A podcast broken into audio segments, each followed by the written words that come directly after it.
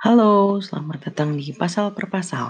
Hari ini kita ada di Yohanes 3 dan sama seperti Yohanes 2, Yohanes 3 akan saya bagi ke dalam dua bagian dan hari ini kita ada di bagian yang pertama. Bagian yang pertama mencakup Yohanes 3 ayat 1 sampai 21 di mana Yesus menjelaskan konsep lahir baru kepada Nikodemus. Sebelum kita masuk ke Yohanes 3, ada satu ayat di Yohanes 2 yang ingin saya bahas sedikit. Yaitu di akhir Yohanes 2 di ayat 23. Banyak orang percaya dalam namanya karena mereka telah melihat tanda yang diadakannya. Orang-orang percaya karena melihat mujizatnya. Ini nggak salah, tapi ini nggak cukup. Jika mereka hanya kagum pada mujizatnya dan bukan pada pribadi yang membuat mujizat itu, maka itu bukanlah iman yang sesungguhnya. Mujizat itu tanda, bukan tujuan. Ibarat kita ada di jalan raya, ada banyak tanda atau kita biasa sebut marka jalan yang bisa kita lihat dan perhatikan supaya kita bisa sampai ke tempat tujuan kita dengan selamat. Tapi marka jalan itu atau tanda-tanda yang kita lihat itu bukanlah tujuan kita. Jangan sampai kita berhenti di mengagumi tanda dan tidak lanjut sampai kepada tujuan kita yaitu Yesus. Nah, Nikodemus ini adalah salah satu orang yang kagum pada mujizat Yesus dan mau percaya sebenarnya karena melihat mujizat-mujizat ini.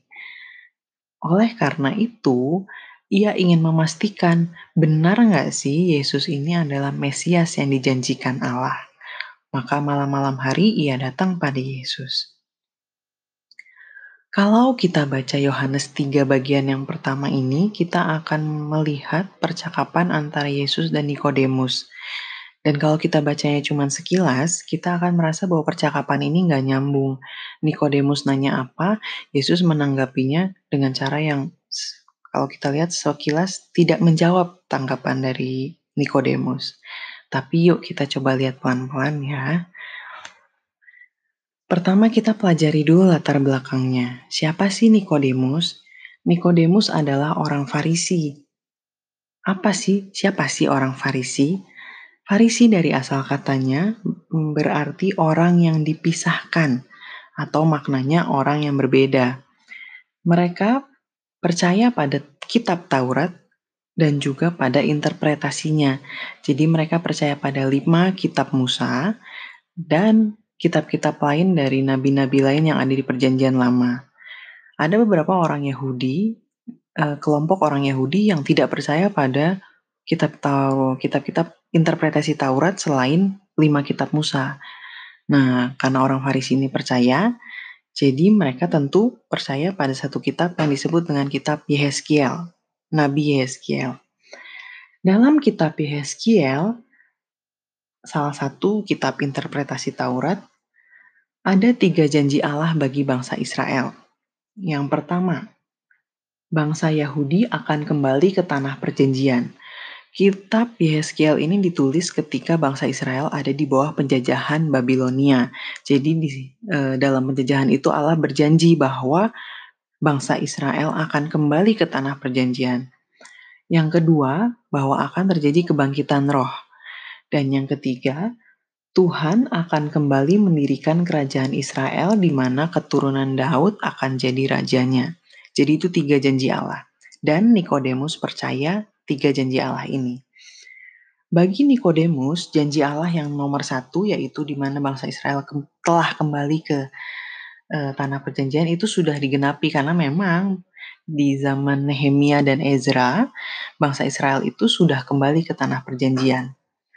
Nah, selain janji yang pertama, Nikodemus pun percaya bahwa kebangkitan roh sudah terjadi. Kenapa? Karena bagi dia kegerakan Farisi yang percaya pada hmm, kitab-kitab lain selain kitab Taurat yang tertulis, lalu juga juga percaya bahwa Allah bisa disembah bukan hanya di bait Allah, bagi dia itu merupakan sebuah kebangkitan roh. Jadi uh, nih Nikodemus percaya bahwa janji Allah yang pertama dan yang kedua itu sudah digenapi. Sisanya tinggal dia menunggu Tuhan mendirikan lagi kerajaannya dan dia mencari siapa rajanya yang dijanjikan atau yang mereka sebut dengan Mesias. Oleh karena itu dia mencari Yesus karena dia percaya bahwa jangan-jangan Yesus ini adalah raja yang dijanjikan. Yesus tahu pemikiran Nikodemus.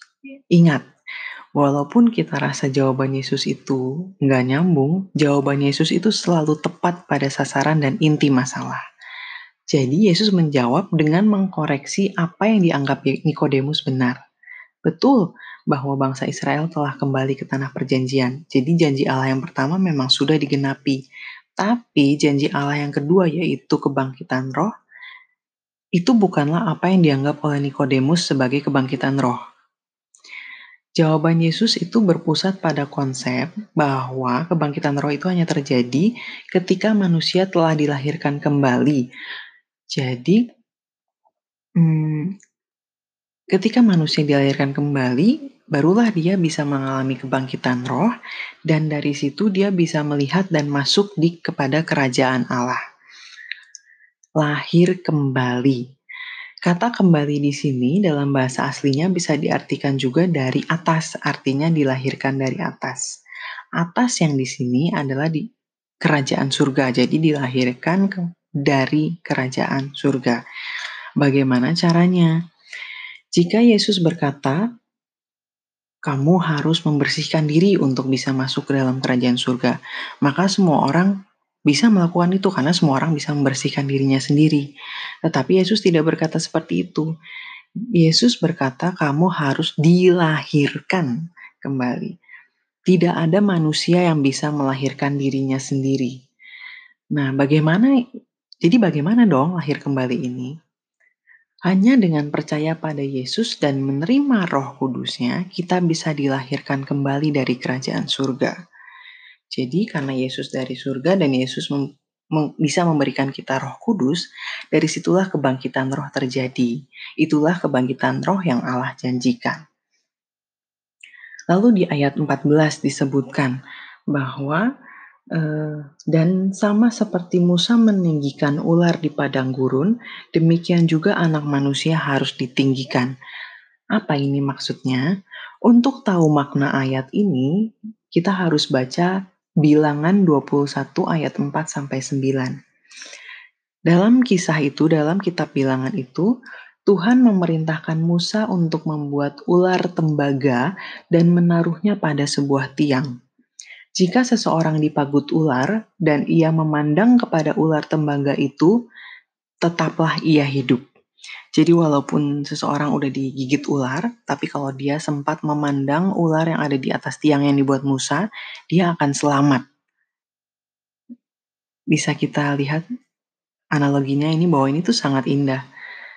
Kita gantikan ular itu adalah Yesus, anak manusia sama seperti Yesus yang ditinggikan di atas salibnya, satu tatapan iman pada Yesus di atas salib mampu menyelamatkan, menyelamatkan kita dari segala jeratan dosa.